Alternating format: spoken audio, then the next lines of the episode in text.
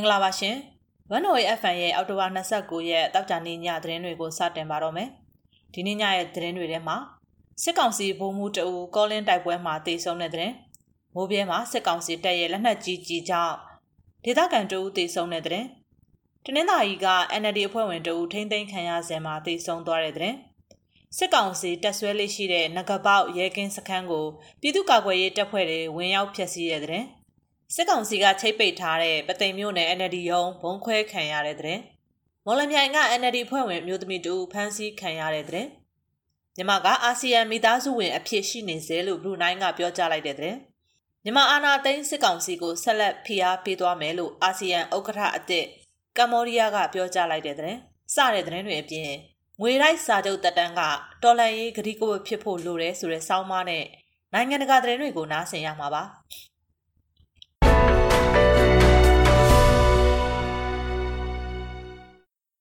စကိုင်းတိုင်းဒေသကြီးကောလင်းမြို့နယ်အရှိတ်ချမ်းကြောက်ပြင်တာရွာနဲ့ကချင်ကုန်းရွာကြားမှာအော်တိုဘာ29ရက်နေ့ကဖြစ်ပွားခဲ့တဲ့တိုက်ပွဲမှာဗိုလ်မှူးရဲထွဦးကိုပိုင်အမှန်ကြီး4398ညတေဆုံးသွားတယ်လို့ Colin Revolution ကေရအဖွဲ့ကထုတ်ပြန်ထားပါတယ်။ဗိုလ်မှူးရဲထွဦးရဲ့အလောင်းကိုစစ်ကောင်စီတပ်ဖွဲ့ဝင်တွေကဖြစ်တယ်လို့မြေမြုပ်ခဲ့တာကြောင့် Colin ဒေသခံတွေကပြန်ဖော်ပြီးကောင်းမွန်စွာတကြိုပေးခဲ့ရတယ်လို့လည်းဆိုထားပါတယ်။ သူတို့ဘက်တွေကအလောင်းတောင်ဖြစ်တယ်လို့မြုပ်ခဲ့လို့နေကန်တွေကတသက်ရရတကြိုပေးဖို့ပြန်ဖော်ရာကနေဘုံမှုဖြစ်မှန်သိရတဲ့အဖြစ်ပါလားစိတ်တောင်မကောင်းဘူးဘုံမှုရေကောလင်းပြည်သူကကောင်းမွန်စွာတကြိုပေးခဲ့တယ်လို့သိရကြောင်းကေအာအဖွဲ့ကဆိုပါတယ်မြမပြည်ထက်ပိုင်းကောလင်းမြို့နယ်မှာစစ်ကောင်စီတပ်ဖွဲ့ဝင်တွေနဲ့ကောလင်း PDF တပ်ဖွဲ့တွေအကြားတိုက်ပွဲတွေနေ့စဉ်ဖြစ်ပွားနေပြီးတော့မနေ့ကလည်း ကောလင်းမြို့အရှိချမ်းဖလဲကြီးရွာအနီးမှာတိုက်ပွဲဖြစ်ပွားခဲ့ရမှာစစ်ကောင်စီတပ်ဖွဲ့ဝင်အနည်းဆုံး25ဦးသေဆုံးခဲ့တယ်လို့ Calling Revolution ကေရအဖွဲ့ကထုတ်ပြန်ထားပါတယ်။အဲ့ဒီတိုက်ပွဲမှာ Calling PDF တပ်ဖွဲ့ဘက်ကလည်းသူရဲကောင်းရဲဘော်3ဦးကြာဆုံးခဲ့တယ်လို့လည်းထုတ်ပြန်ပြောဆိုထားပါတယ်။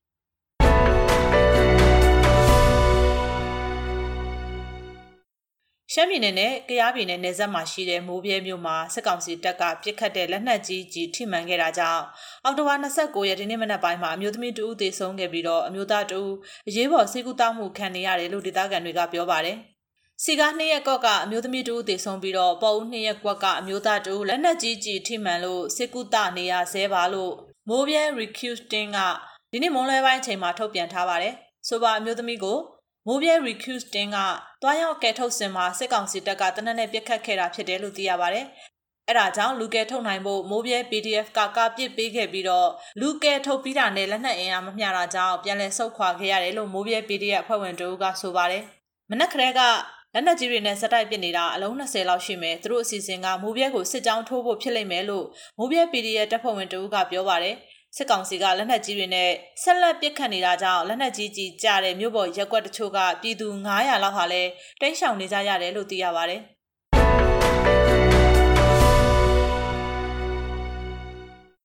တနင်္သာရီမြို့နယ်အရှိမော်တုံးကြီးရွာကစစ်ကောင်စီဖမ်းသွားတဲ့ NLD ဖွဲ့ဝင်လူငယ်တဦးနဲ့အမျိုးသမီး3ဦးတို့အနက်လူငယ်မျိုးသားဟာစစ်ကြောရေးမှာတေဆုံးသွားခဲ့ပေမဲ့အလောင်းကိုပြန်မရခဲ့ဘူးလို့မိသားစုဝင်နဲ့ဒေသခံတွေကပြောပါတယ်။ ပြီးခဲ့တဲ့ရက်တစ်ပတ်ကတနင်္လာရီမြို့နယ်စာရဖရုံးဝင်းအတွင်းစာရဖဘူကြီးမင်းဆွေဦးရဲ့ကားဘုံခွဲခံရတာနဲ့ပတ်သက်ပြီးစစ်ဆေးမင်းမြတ်မှုရှိတယ်ဆိုကစစ်ကောင်စီကဖမ်းဆီးသွားခဲ့တာဖြစ်ပြီးတော့အဲ့ဒီနောက်စစ်ကြောရေးမှာတိတ်ဆုံးသွားခဲ့တာဖြစ်တယ်လို့မိသားစုဝင်တို့ကပြောပါတယ်ဒီအကြောင်းကိုပြင်မရောက်စေဖို့နဲ့လိုင်းပေါ်မတင်ဖို့အရာရှိကချင်းချောက်ထားတော့မိသားစုတွေကြောက်နေကြတယ်အလောင်းပြန်မရလာပဲရွာကိုပြန်ခဲ့ရတယ်လို့သေဆုံးသူနဲ့ဆွေမျိုးနီးစပ်တော်သူတို့ကပြောပါတယ် တေဆုံးသွားသူလူငယ်မျိုးသားဟာအသက်26နှစ်အရွယ်ကိုမင်းမင်းသူဖြစ်ပြီးတော့ကြေးရွာမှာအမျိုးသားဝစ်အင်ကြီးချုပ်ဆိုင်ဖွင့်ထားသူဖြစ်ပါတယ်။ကိုမင်းမင်းသူဟာကျမရေးမကောင်းတာကြောင့်အသက်တေဆုံးသွားတာဖြစ်ကြောင်းအလောင်းကိုဗိတ်စစ်ဆေးရုံမှာလာရောက်ထုတ်ယူဖို့အော်တိုဘာ29ရက်နေ့မနက်ပိုင်းကမိသားစုထံအကြောင်းကြားလာတယ်လို့တေဆုံးသူရဲ့ဆွေမျိုးရင်းတော်ဆက်သူတူကပြောပါတယ်။ ဒါပေမဲ့ဗိတ်ဆေးရုံကိုရောက်ရှိချိန်မှာလောင်းကိုမပြဘဲနဲ့ COVID-19 ရောဂါကြောင့်သေဆုံးသွားတယ်ဆိုပြီးမိသားစုဝင်တွေကိုလက်မှတ်ရေးထိုးခိုင်းကအလောင်းကိုပြန်မပေးဘဲနဲ့စစ်ကောင်စီကသူတို့သာမိသကြိုပေးမယ်လို့ပြောဆိုခဲ့ကြောင်းဆိုပါတယ်။ကိုမင်းမင်းသူနဲ့အတူဖမ်းဆီးခံခဲ့ရတဲ့တရွာတဲ့နေအသက်20ကျော်အရွယ်အမျိုးသမီး၃ဦးကိုလည်းအော်တိုဘာ26ရက်နေ့ညနေပိုင်းကပြန်လွှတ်ပေးခဲ့တယ်လို့ဒေသခံတွေကပြောပါတယ်။အော်တိုဘာ25ရက်နေ့ည7:00နာရီအချိန်ကဆာရဖတပ်ဖွဲ့တွေနဲ့အတူ99ခွန်တရင်တပ်ဖွဲ့တွေက ကိုမင်းမင်းသူနဲ့အတူအဆိုပါအမျိုးသမီး၃ဦးကိုလာရောက်ဖမ်းဆီးသွားခဲ့တာပါ။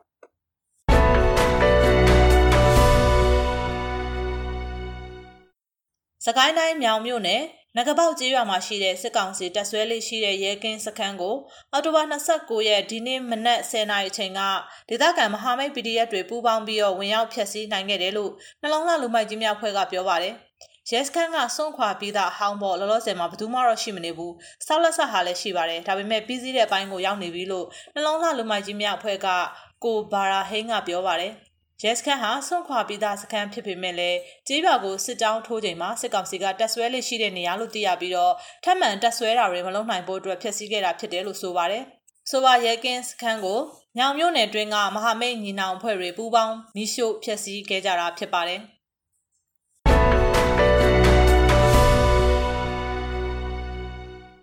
အေယာဝတီတိုင်းပသိမ်မြို့မယန်းချိုလမ်းမကြီးနောက်ကျောဘက်မှာရှိတဲ့စစ်ကောင်စီကချိတ်ပိတ်ထားတဲ့ပသိမ်မြို့နယ်မြို့သားဒီမိုကရေစီအဖွဲ့ချုပ် NLD ရုံးမှာအောက်တိုဘာ29ရက်ဒီနေ့မနက်3နာရီကျော်အချိန်ကဘုံပေါက်ကွဲမှုဖြစ်ပွားခဲ့တယ်လို့ဒေသခံတွေထံကသိရပါဗျ။အဲ့ဒီဘုံပေါက်ကွဲမှုမဖြစ်ခင်အောက်တိုဘာ28ရက်နေ့ညတကောင်ရအချိန်ကအဲ့ဒီ NLD ရုံးမီးလောင်မှုဖြစ်ပွားခဲ့ပြီးတော့ရုံးတွင်းမှာရှိတဲ့ဆိုဖာကုံတွေမီးလောင်ကျွမ်းသွားခဲ့တယ်လို့ရုံးနီးမှာနေထိုင်သူတူကပြောပါတယ်။ ညတကောင်လောက်အချိန်လေးကရုံးရဲ့မြင်းကြီးတက်မှာမီးလောင်နေတာပါပဝင်းကျင်ကလူတွေကမိသက်ကိုဖုံးဆက်ခေါ်ပါသေးတယ်လုံးဝရောက်မလာဘူးညတနာရီကျော်တော့မင်းငိမ့်သွားပြီးတော့၃နာရီကျော်လောက်မှဘုံပေါက်တာပါအဲ့ဒီအချိန်အပြင်ထွက်လို့ရတာစစ်သားရဲအုပ်ချုပ်ရေးမှုနဲ့ဒလန်တွေပဲရှိပါတယ်အများကြီးတွေးစရာမလိုဘူးလို့ NLD ရုံးဝင်းကျင်မှာနေထိုင်သူကပြောပါတယ်ဘုံပေါက်ကွဲမှုကြောင့်ရုံးအဆောက်အဦအတွင်းမှာရှိတဲ့ပစ္စည်းတွေနဲ့မှန်တကားတွေထိခိုက်ပျက်စီးမှုရှိခဲ့တယ်လို့သူကဆိုပါတယ်။ ပောက်ကွဲမှုအပြီးစစ်ကောင်စီလက်အောက်ခံရပ်ဝတ်နဲ့ရဲသုံးကအဲ့ဒီရုံးဝင်းကိုလာရောက်စစ်ဆေးသွားတယ်လို့ဒေသခံတွေရဲ့ပြောကြားချက်အရသိရပါတယ်။ဘုံပေါက်ကွဲမှုနဲ့မိလောင်မှုတွေဖြစ်ခဲ့တဲ့ NLD ပသိမ်ရုံးဟာပသိမ်နယ်မြေရဲစခန်းနဲ့အတိုင်းအဆင့်မိသက်ရုံးရှိရာနေရာနဲ့အနည်းဆုံးနေရာလည်းဖြစ်ပါတယ်။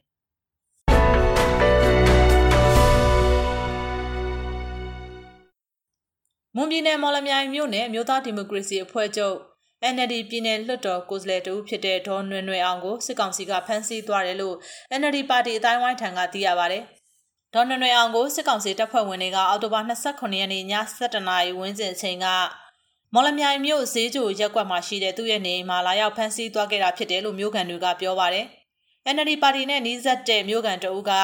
ဒေါ်နရွယ်အောင်ညကဖမ်းခံရတယ်လို့ကြားပါတယ်သူရဲ့အိမ်မှာပဲလာဖမ်းသွားတာပါအကြောင်းရင်းကိုတော့ကျွန်တော်တို့လည်းသိချမသိသေးပါဘူးလို့ပြောပါတယ်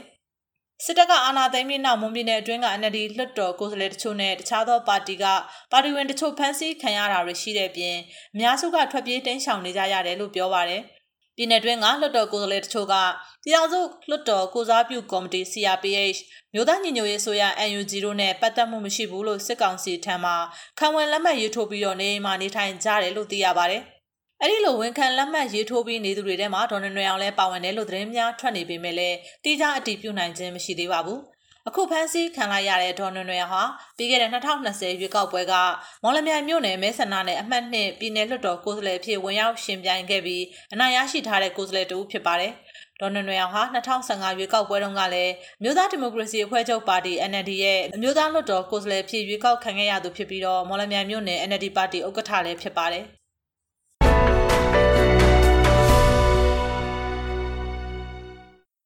စစ်ကောင်းဆောင်ကိုနှစ်ပတ်လည်အစည်းအဝေးကနေဖယ်ချန်ထားတာအတွက်အာဏာသိမ်းခံမြန်မာနိုင်ငံက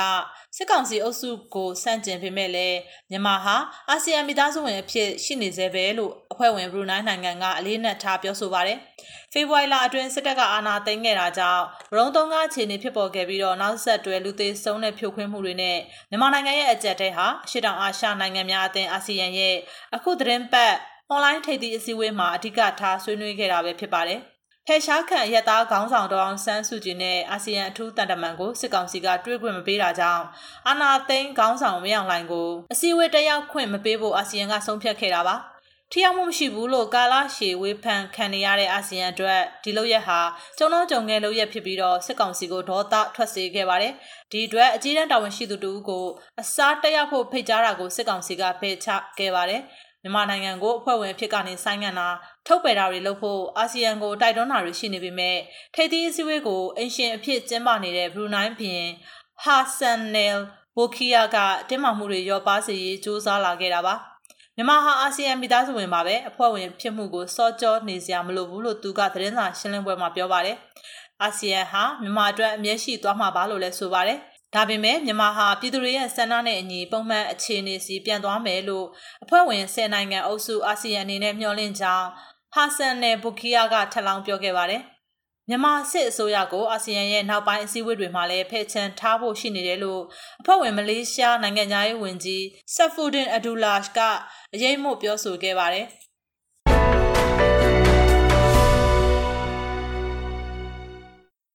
ရှစ်တောင်အာရှနိုင်ငံများအသင်းအာဆီယံရဲ့အလှည့်ကျဥက္ကဋ္ဌအသစ်ဖြစ်စတင်လွှဲပြောင်းယူလိုက်ပြီဖြစ်တဲ့ကမ္ဘောဒီးယားကသူ့အနေနဲ့မြန်မာစစ်ကောင်စီတာဝန်ရှိသူတွေကိုသူတို့အတိုက်ခံအင်အားစုတွေနဲ့အကြားဆွေးနွေးညှိနှိုင်းမှုလှုပ်ဆောင်လာစေဖို့အတွက်စစ်ကောင်စီအပေါ်ဖိအားပေးသွားမှာဖြစ်တယ်လို့သူရဲ့နိုင်ငံသားရေးဝန်ကြီးဌာနကအောက်တိုဘာ28ရက်နေ့မှာပြောကြားလိုက်ပါတယ်။ ကမ္ဘောဒီးယားအနေနဲ့အာဆီယံအလှည့်ကျဥက္ကဋ္ဌတာဝန်ယူစဉ်လာမယ့်နှစ်စပိုင်းမှာအလုပ်ကိစ္စတွေစတင်ဖို့မြန်မာနိုင်ငံဆိုင်ရာအထူးကိုယ်စားလှယ်အသစ်တူခန့်အပ်သွားမှာဖြစ်ကြောင်းကမ္ဘောဒီးယားနိုင်ငံသားရေးဝန်ကြီးပရက်ဆော့ခွန်ကပြောပါတယ်တဆက်ထဲမှာပဲမြန်မာဟာပြည်ရင်းစစ်ဖြစ်တော့မဲ့ဆဲဆဲဖြစ်နေတယ်လို့လည်းသူကသတိပေးခဲ့ပါတယ်။လက်ရှိမှာမြန်မာနိုင်ငံဆိုင်ရာအာဆီယံအထူးကိုယ်စားလှယ်ဖြစ်တဲ့အာရီဝမ်မြူဆွတ်ဟာအခုနှစ်အာဆီယံအလှည့်ကျဥက္ကဋ္ဌအဖြစ်ဆောင်ရွက်ခဲ့တဲ့ဘရူနိုင်းနိုင်ငံကဖြစ်ပါတယ်။ ဖွဲ့ဝင်နိုင်ငံတွေရဲ့ပြည်တွင်းရေးကိုဝင်မဆွတ်ဆိုတဲ့မူကိုကျွန်တော်တို့အားလုံးအလေးထားပေမဲ့မြန်မာနိုင်ငံကအခြေအနေကအင်မတန်ဆိုးရင်ပူပန်စရာကိစ္စတစ်ခုဆက်ဖြစ်နေသေးပါလို့စော့ခွန်းကရိုက်တာကိုပြောပါတယ်အဲ့ဒါကဒေတာအပေါ်တွင်မကပဲအဖွဲ့အစည်းပေါ်အများယုံကြည်လက်ခံမှုကျွန်တော်တို့ရဲ့ညီကိုမောင်နှမတွေဖြစ်တဲ့မြန်မာပြည်သူတွေအပေါ်မှာပါအပြတ်သဘောဆောင်တက်ရောက်မှုတွေရှိစေပါတယ်လို့သူကပြောပါတယ်။ မကြုံစဘူးချန်လန့်မှုအဖြစ်အာဆီယံဟာအခုပတ်ကျင်းပခဲ့တဲ့ထိပ်သီးအစည်းအဝေးတွေမှာမြန်မာစစ်ကောင်စီအကြီးအကဲဗိုလ်ချုပ်မှုကြီးမင်းအောင်လှိုင်ကိုမဖိတ်ကြားပဲချန်လှပ်ထားခဲ့တာပါကမ္ဘောဒီးယားအနေနဲ့ထိပ်သီးအစည်းအဝေးတွေမှာမြန်မာစစ်ကောင်စီအကြီးအကဲကိုပိတ်ပင်တဲ့ဆုံးဖြတ်ချက်ကိုထောက်ခံကြောင်းနဲ့မြန်မာစစ်ကောင်စီဟာအာဆီယံအထူးတန်တမန်ကိုတပ်ဆိုင်သူအလုံးနဲ့တွဲခွင့်ပေးဖို့ညှင်းဆန်ခဲ့တယ်လို့လည်းစော့ခုံးကပြောပါတယ်။ ဒါပေမဲ့မြန်မာစစ်ကောင်စီအကြီးအကဲကိုလာမယ့်အစည်းအဝေးတွေမှာဆက်လက်ဖဲထုတ်ထားမလားဆိုတာကိုတော့လက်တလုံးမှာပြောဖို့မသင့်သေးဘူးလို့သူကပြောပါတယ်။အရာကိစ္စတွေကပြောင်းလဲဖြစ်ပေါ်နေပါတယ်။ဒါကမြန်မာအပေါ်မှာပဲအများကြီးမူတည်ပါလိမ့်မယ်လို့သူကပြောပါတယ်။စစ်ကောင်စီဘက်ကအာဆီယံအထူးကိုယ်စားလှယ်ကိုဒေါအောင်ဆန်းစုကြည်နဲ့တွေ့ဆုံခွင့်ပြုမှာမဟုတ်ဘူးလို့ပြောထားပါတယ်။ ရှေ့လထဲမှာပြုလုပ်ဖို့ရှိပြီးတော့တရုတ်သမ္မတရှီကျင်းဖျင်တက်ရောက်ဖွယ်ရှိတဲ့တရုတ်အာဆီယံထိပ်သီးစည်းဝေးမှာလည်းအာဆီယံအနေနဲ့မြန်မာစစ်ကောင်စီကိုဖယ်ထုတ်မလားတက်ခွင့်ပေးမလားဆိုတာကိုဆုံးဖြတ်ဖို့အဖွဲ့အတွက်နောက်ထပ်စမ်းသပ်ချက်တစ်ခုဖြစ်တယ်လို့တန်တမန်တွေကပြောပါတယ်အခုနှစ်ကုန်ပိုင်းမှာကျင်းပမဲ့အာဆီယံ EU အစည်းအဝေးတစ်ခုကိုတော့မြန်မာစစ်ကောင်စီအကြီးအကဲတက်ရောက်ဖွယ်မရှိဘဲနဲ့အထူးသဖြင့်ဥရောပမှာပြင်းထန်တဲ့ဆန့်ကျင်မှုတွေရှိနေတာကြောင့်ဖြစ်ပါတယ်။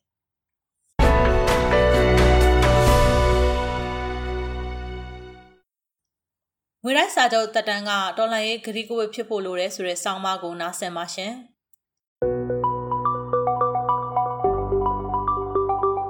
အတိုက်ခံဆိုရဖြစ်တဲ့အမျိုးသားညီညွတ်ရေးအစိုးရ NUG ကကြေညာချက်အမှတ်7မြင်းဆောင်2021ကိုထုတ်ပြန်လိုက်ပါတယ်။အောက်တိုဘာလ28ရက်နေ့စွဲနဲ့ထုတ်ပြန်တဲ့ဒီထုတ်ပြန်ချက်ဟာຫນွေဦးတော်လှန်ရေးအတွက်အထူးငွေတိုက်စာချုပ်ထုတ်ရောင်းမယ်ဆိုတဲ့ကိစ္စပါ။ ဒီစာချုပ်ထုတ်ရောင်းမှု NUG အစိုးရအဖွဲ့ရဲ့အစည်းအဝေးအမှတ်စဉ်28မှာသဘောတူခွင့်ပြုခဲ့တာဖြစ်ပါတယ်။ထုတ်ရောင်းမဲ့ပမာဏဟာ American Dollar တန်းတစ်ထောင်မို့ဖြစ်ပြီးတက်တန်းက2နှစ်ဖြစ်ပါတယ်။တခြားသောနိုင်ငံအစိုးရတွေကထုတ်ရောင်းတဲ့ငွေတိုက်စာချုပ်တွေပြည်တွင်းမှာထုတ်ရောင်းတဲ့ငွေတိုက်စာချုပ်တွေဟာဝယ်ယူထားတဲ့စာချုပ်အမျိုးအစားအလိုက်6လတစ်ကြိမ်အတိုးပေးပေမဲ့ NUG ငွေတိုက်စာချုပ်ကတော့အတိုးမဲ့ဖြစ်ပါတယ်။ကမ္ဘာသမိုင်းမှာ အခုကဲ့သို့အထူးငွေတိုက်စာချုပ်များအားတော်လန်ရေးအစိုးရတရက်ကအတိုးမဲ့ထုတ်ဝေရောင်းချခြင်းသည်ပထမဆုံးအကြိမ်ဖြစ်ပြီး Federal Democracy စနစ်ကိုလိုလားသည့်မြန်မာပြည်သူများကစစ်အာဏာရှင်ကိုအဆုံးစွန်ဆန့်ကျင်အာမခံတော်လှန်ခဲ့သည့်တမိုင်းမော်ကွန်းအဖြစ်ခမ်းနားစွာထင်ရှားကြံ့ရည်ခဲ့မည်ဖြစ်သည်လို့ထုတ်ပြန်ကြမှာပါရှိပါတယ်။ ဒီငွေတိုက်စာချုပ်တွေဟာဒေါ်လာ100 900 1000နဲ့9000တန်ဖိုးရှိတဲ့ငွေတိုက်စာချုပ်အမျိုးအစားတွေဖြစ်တယ်လို့ NUG တာဝန်ရှိသူတွေက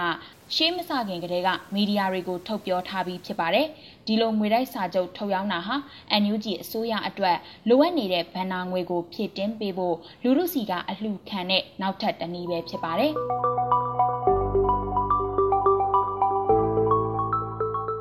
မြမလွတ်လပ်ရေးသမိုင်းကိုကြည့်ရင်နယ်ချက်အင်္ဂလိပ်နဲ့ဖက်စစ်ဂျပန်လက်အောက်ကလွတ်ပြီးနိုင်ငံလွတ်လပ်ရေးရဖို့အတွက်အရေးပါတဲ့လုပ်ငန်းကြီးတစ်ခုကိုလည်းပြည်သူအလှူငွေနဲ့အကောင့်ထဲပေါ်ခဲ့ရပူပါတယ်1948ခုနှစ်ဇန်နဝါရီလ2ရက်မတိုင်ခင်ကဖြစ်ပွားခဲ့တဲ့ကိစ္စပါ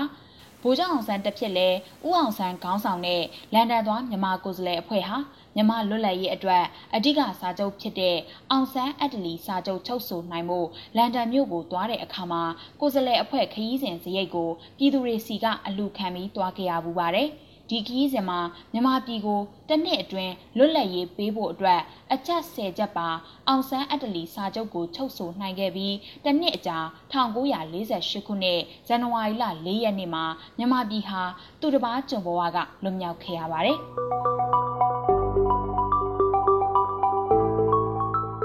ဒီစာချုပ်မချုပ်ဆိုခင်1946ခုနှစ်ဒီဇင်ဘာလ23ရက်က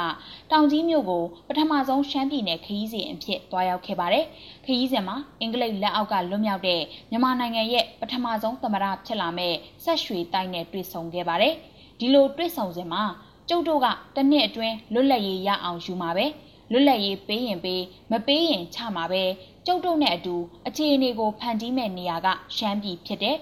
အရေးကြီးတာကရှမ်းစော်ဘွားတွေနဲ့ရှမ်းပြည်လူလူရဲ့ဆန္ဒဖြစ်တယ်လို့ဆိုခဲ့ပါတယ်။ဒါဟာမြန်မာပြည်လွတ်လပ်ရေးရကိုရဖို့အတွက်တစ်နှစ်ပဲစောင့်ဆိုတဲ့ကတိစကားပဲဖြစ်ပါတယ်။အတာတကြီးရရင်ရမရရင်ချမယ်ဆိုတဲ့လွတ်လပ်ရေးအတွက်ပြက်သားတဲ့ခိုင်မာတဲ့ဂရိစကားတရက်ကိုဆိုခဲ့တာဖြစ်ပါတယ်။ဗိုလ်ချုပ်အောင်ဆန်းတို့ရဲ့လန်ဒန်ခရီးစဉ်အသွားမှာရှမ်းစော်ဘွားတချို့က ဗိုလ်ချုပ်ဟာသူတို့ရဲ့ကိုယ်စားလှယ်မဟုတ်ကြောင်းအင်္ဂလိပ်တို့စီကျေးနံ့ရိုက်အကြောင်းကြားပြီးစာချုပ်မချုပ်နိုင်အောင်ဟန်တာခဲ့ပါတယ်။ဒါပေမဲ့ဦးတင်အေးဦးထွန်းမြင့်တို့ကဲ့သို့သောရှမ်းအမျိုးသားလူငယ်တွေကအရေးပေါ်အစည်းအဝေးထိုင်ပြီးဗိုလ်ချုပ်တီတာရှမ်းပြည်လူထုရဲ့ကိုယ်စားလှယ်ဖြစ်ကြောင်းကျေးနံ့ပြန်ရိုက်အကြောင်းကြားခဲ့တဲ့အတွက်မြမလွတ်လပ်ရေးတရေတီမွေးဖွားလာဖို့အာမခံချက်ဖြစ်တဲ့အောင်ဆန်းအတ္တလီစာချုပ်ကိုချုပ်ဆိုနိုင်ခဲ့တာဖြစ်ပါတယ်။ ဒီလိုမျိုးဗိုလ်ချုပ်ကိုသူတို့ကိုယ်စားလှယ်အဖြစ်လက်ခံခဲ့တာဟာတိုင်းပြည်အပေါ်ထားတဲ့ဗိုလ်ချုပ်ရဲ့စိတ်ထားစိုးခဲစီမြဲစီပြောပြီးစကား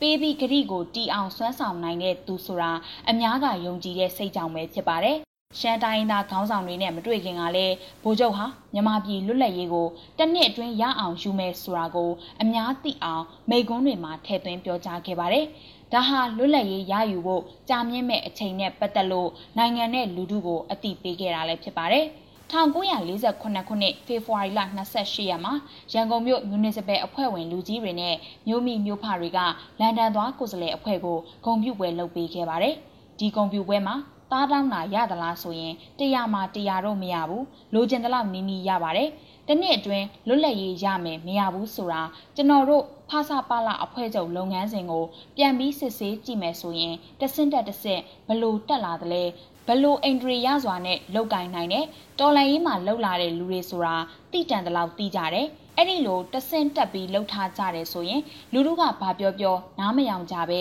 ဖာစာပါလာအဖွဲ့ချုပ်ရဲ့ညွန်ကြားလမ်းပြရာတို့တသွေမတိန်လိုက်နိုင်ရင်တနှစ်အတွင်းလွတ်လပ်ရေးရမယ်လို့ကတိပေးခဲ့မယ်ဟုတ်တယ်မဟုတ်ဘူးစောင့်ကြည့်ပါလို့ဆိုခဲ့ပါတယ်။ ဗိုလ်ချုပ်အောင်ဆန်းဟာအောင်ဆန်းအတ္တလီစာချုပ်ချုပ်ဆိုပြီးတစ်နှစ်မပြည့်ခင်မှာပဲအင်္ဂလိပ်အလိုကျကပြအတုံးတော်ခံခဲ့တဲ့နေချက်လက်ပါစီတွေကြောင့်အခါမတန်သေးပဲကျွေလွင့်ခဲ့ရပေမဲ့စာချုပ်တစ်နှစ်ပြည့်ပြီးနောက်မှာတော့မြမပြည်ဟာအလုံးစုံလွတ်လပ်ရေးရယူနိုင်ခဲ့ပါတယ်။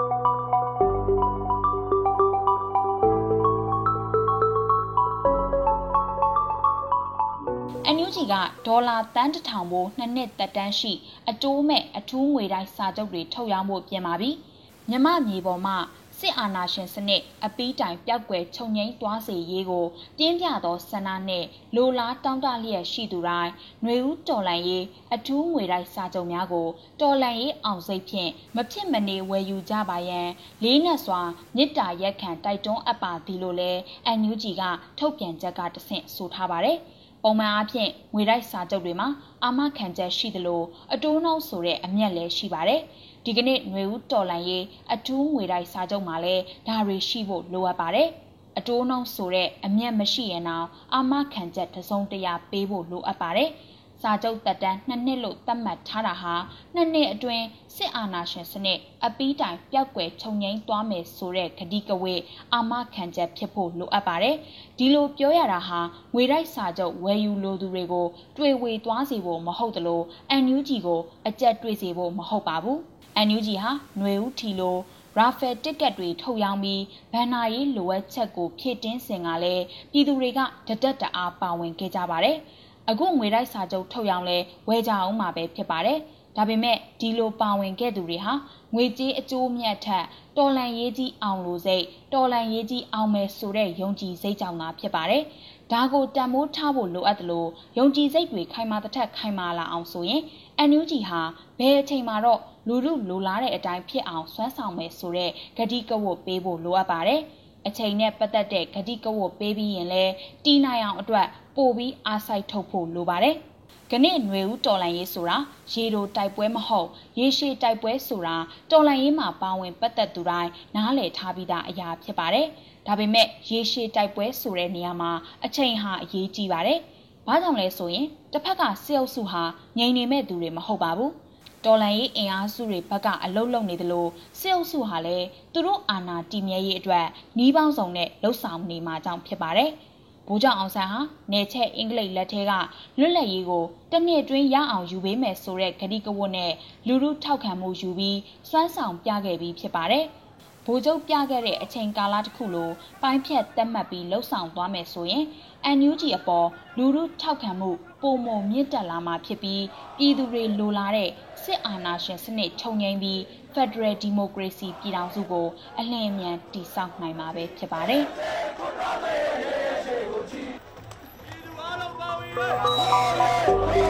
။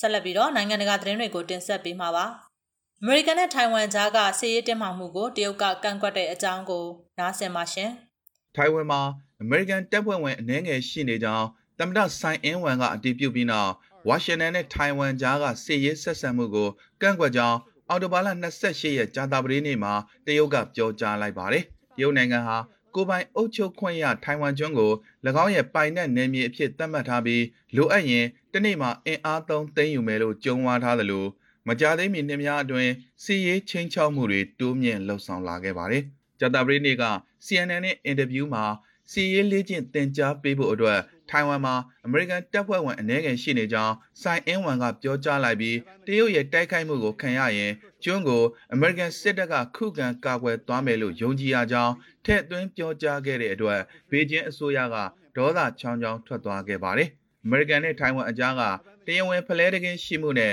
စစ်ဖက်ဆိုင်ရာဆက်ဆံရေးပုံစံမှန်သမျှကိုမိမိတို့ပြက်ပြက်သားသားကန့်ကွက်ကြောင်းနဲ့တရုတ်ပြည်တွင်းရေးမှာပဋိပက္ခတွေပုံမကြီးထွားအောင်မိမွေးပေးနေတဲ့အမေရိကန်ရဲ့ဝင်ရောက်ဆွတ်ဖက်မှုကိုစန့်ကျင်ကြောင်းနိုင်ငံရေးဌာနပြောခွင့်ရဝမ်ဝင်ပင်ကပြောကြားလိုက်ပါတယ်။ဆိုင်ယန်ဝမ်ရဲ့အဆိုပါမှတ်ချက်တွေဟာဝါရှင်တန်ရဲ့တန်တမန်ရေးအရာအသိမဲ့ပြုမှုကိုဘေကျင်းစီပြောင်းလဲလိုက်ပြီးနောက်ဆုံးအမေရိကန်တပ်စခန်းကိုရုတ်သိမ်းသွားခဲ့တဲ့1989ခုနှစ်နောက်ပိုင်း ထိုင်ဝမ်ခေါင်းဆောင်တဦးမှပထမဆုံးအကြိမ်လူသိရှင်ကြားဖွင့်ဟပြောဆိုလိုက်တာလည်းဖြစ်ပါတယ်။ဝန်ချိုင်နာမူဟာတရုတ်အမေရိကန်ဆက်ဆံရေးရဲ့နိုင်ငံရေးအခြေခံအုတ်မြစ်တစ်ခုဖြစ်တယ်လို့ဝန်ဝန်ပင်ကဆိုပါတယ်။နိုင်ငံတော်ရဲ့အချုပ်အခြာအာဏာနဲ့နယ်မြေပိုင်ဆိုင်မှုကိုကာကွယ်ဖို့တရုတ်လူမျိုးတွေရဲ့ခိုင်ကြည်တဲ့တန်ဋိဌာန်ကိုအမေရိကန်အနေနဲ့ရှော့မတွက်သင့်ဘူးလို့၎င်းကသတိပေးလိုက်ပါတယ်။ဝန်ချိုင်နာမူအရတရုတ်ရဲ့အစိတ်အပိုင်းဖြစ်လက်မခံတဲ့ဆိုင်အင်းဝမ်ကြောင့်ဘေကျင်းဟာ ထိုင်ဝမ်ကို ပုံမှန်ဆက်ဆံမှုတွေဖျက်တောက်လိုက်ပြီး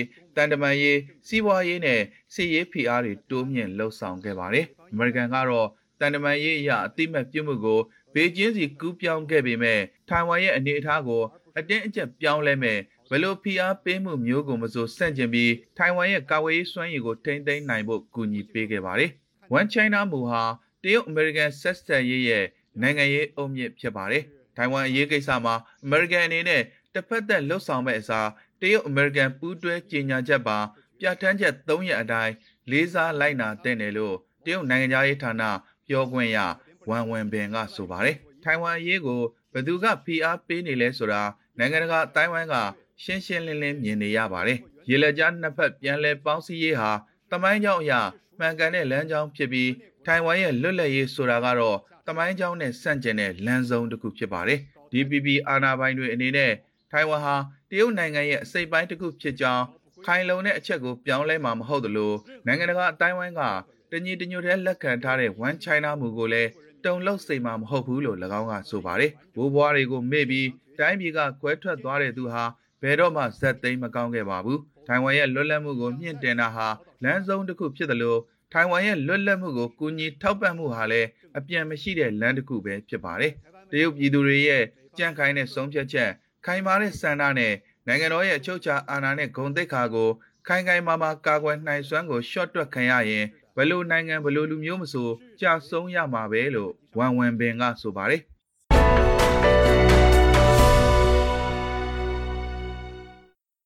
ကိုဗစ်ကြောင့်မရှိမဖြစ်လုပ်ငန်းတွေသာခွင့်ပြုထားတဲ့အတွက်တိတ်ဆိတ်သွားတဲ့မော်စကိုလမ်းမတွေအကြောင်းကိုနားဆင်ပါရှင်။မော်စကိုဟာမြင့်တက်လာတဲ့ကိုဗစ်ကူးစက်မှုကိုဟန်တားနိုင်ဖို့အတွက် မရှိမဖြစ်မဟုတ်တဲ့ဝန်ဆောင်မှုလုပ်ငန်းတွေကိုယာယီပိတ်ထားဖို့အမိန့်ထုတ်ပြန်လိုက်တဲ့အတွက်ပိတ်ထားတဲ့ဈေးဆိုင်တွေရှိကဖြတ်သွားဖြတ်လာအနေငယ်ကလွဲပြီးမော်စကိုရဲ့လမ်းမတွေမှာတိတ်ဆိတ်သွားခဲ့ပါတယ်။ကိုရိုနာဗိုင်းရပ်စ်ကူးစက်မှုနဲ့သေဆုံးမှုများတိုးမြင့်လာခြင်းကိုဟန့်တားဖို့အတွက်မော်စကိုမှာထုတ်ပြန်ထားတဲ့အလုတ်ပရက်ကာလအတွင်းခရီးသွားလာခြင်းနဲ့ပတ်သက်ပြီးအော်တိုဘာလ29ရက်ဗိုလ်ထူးနေ့မှာကရမ်လင်နန်းတော်ကရုရှားပြည်သူတွေကိုသတိပေးလိုက်ပါတယ်။သမ္မတဗလာဒီမီယာပူတင်ဟာပြီးခဲ့တဲ့သတင်းပတ်အတွင်းဥရောပမှာ ကူးစက်မှုအဆိုးဝါးဆုံးနိုင်ငံတွေထဲကတစ်ခုဖြစ်တဲ့မိမိနိုင်ငံအတွင်းကူးစက်ရောဂါပြန့်ပွားမှုထိန်းချုပ်နိုင်ဖို့အတွက်အော်တိုဘာလ30ရက်ကနေနိုဝင်ဘာလ9ရက်အထိအောင်တရင်တစ်ပတ်ကြာတယဝင်အားလက်ရက်အဖြစ်ကြေညာခဲ့ပါတယ်။စစ်တမ်းကောက်ယူမှုအရအဆိုပါအလုံးမလုံးရရက်အတွင်းရုရှားနိုင်ငံသားသုံးပုံတစ်ပုံဟာခရီးသွားဖို့အစီအစဉ်ရှိကြောင်းနဲ့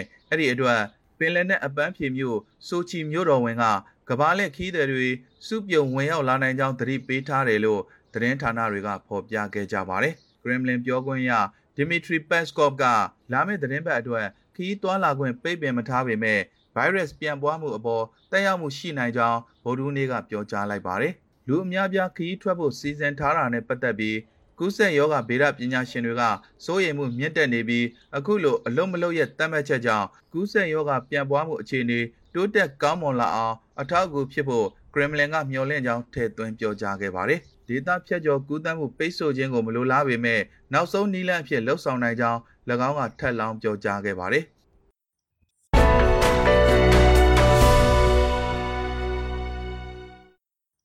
ထွန်ရခြင်းနဲ့ဓာတ်မြေဩဇာသုံးဆွဲခြင်းမပြုတဲ့တောင်အာဖရိကကလဲယာခေပြောင်းတော်လှန်ရေးဆိုတဲ့အကြောင်းကိုပြောပြမှာပါ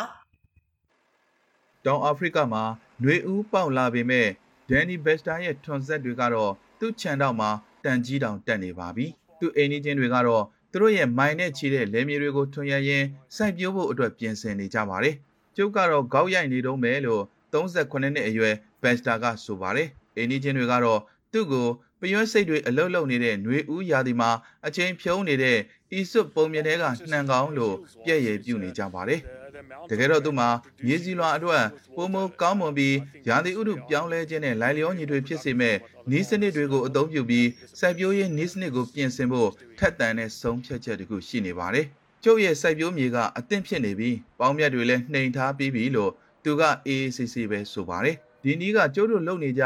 သမယိုးကြနီးတွေလိုပြင်ဆင်မှုတွေအများကြီးလုပ်ဖို့မလိုဘူးလို့ဘက်စတာကဆက်ပြောပြပါတယ်။သူ့ရဲ့စိုက်ပျိုးနည်းစနစ်ကိုမျိုးဆက်သစ်စိုက်ပျိုးရေးလို့ သူကနာမည်ပေးထားပေမဲ့တကယ်ကိုရိုးစင်းတဲ့စိတ်ကူးစိတ်သန်းတစ်ခုဖြစ်ပါတယ်။စိုက်ပျိုးမြေတွေကိုပေါင်းသက်ဆေးတွေဖြန်းဆဲရည်သွင်းပြီးထွန်ဆက်တွေနဲ့အကြီးအကျယ်ထွန်ရက်မဲ့အစားဘက်စတာကစိုက်ပျိုးရာသီအကုန်မှာစိုက်ခင်းတွေအတွင်းနွားစာပင်တွေကျဲချစိုက်ပျိုးလိုက်ပါတယ်။ Johannesburg ရဲ့အရှိတောင်ဘက်55မိုင်အဝေးကသူ့ရဲ့ဧက2900ရှိတဲ့စိုက်ပျိုးမြေပေါ်မှာနွားတွေရောက်လာပြီးနွားစာပင်တွေကိုစားရင်မြေဩဇာအဖြစ်နဲ့မစင်တွေစွန့်ချကြပါတယ်။ ရလက်အဖြစ်နဲ့ဘိုးကောင်တွေဟာတခြားနေရာမှာဆက်တွေနဲ့လှုပ်ဆောင်ရသလိုအောက်ဆီဂျင်ဖလှယ်တဲ့အလုပ်ကိုထွန်ရက်စရာမလိုပဲလှုပ်ဆောင်ပေးပြီးအရေးရနေတဲ့မြေစီလွာကအဆိုဓာတ်နဲ့အာဟာရဓာတ်တွေကိုထိမ့်သိမ်းပေးထားသလိုပေါင်းမြတ်တွေမပေါက်အောင်ထိန်းထားရလဲရောက်ပါတယ်။သူ့ရဲ့နေစနစ်ကိုစက်မှုလေယာအများဆုံးရှိတဲ့တောင်အာဖရိကမှာအသုံးပြုသူနေပါပြီးအများစုဟာဓာတုဓာတ်မြေဩဇာနဲ့ပိုးသက်ဆေးတွေကိုအားထားပြီးတမျိုးကြစိုက်ပျိုးနည်းစနစ်တွေကိုပဲလောက်ကင်ကြပါတယ်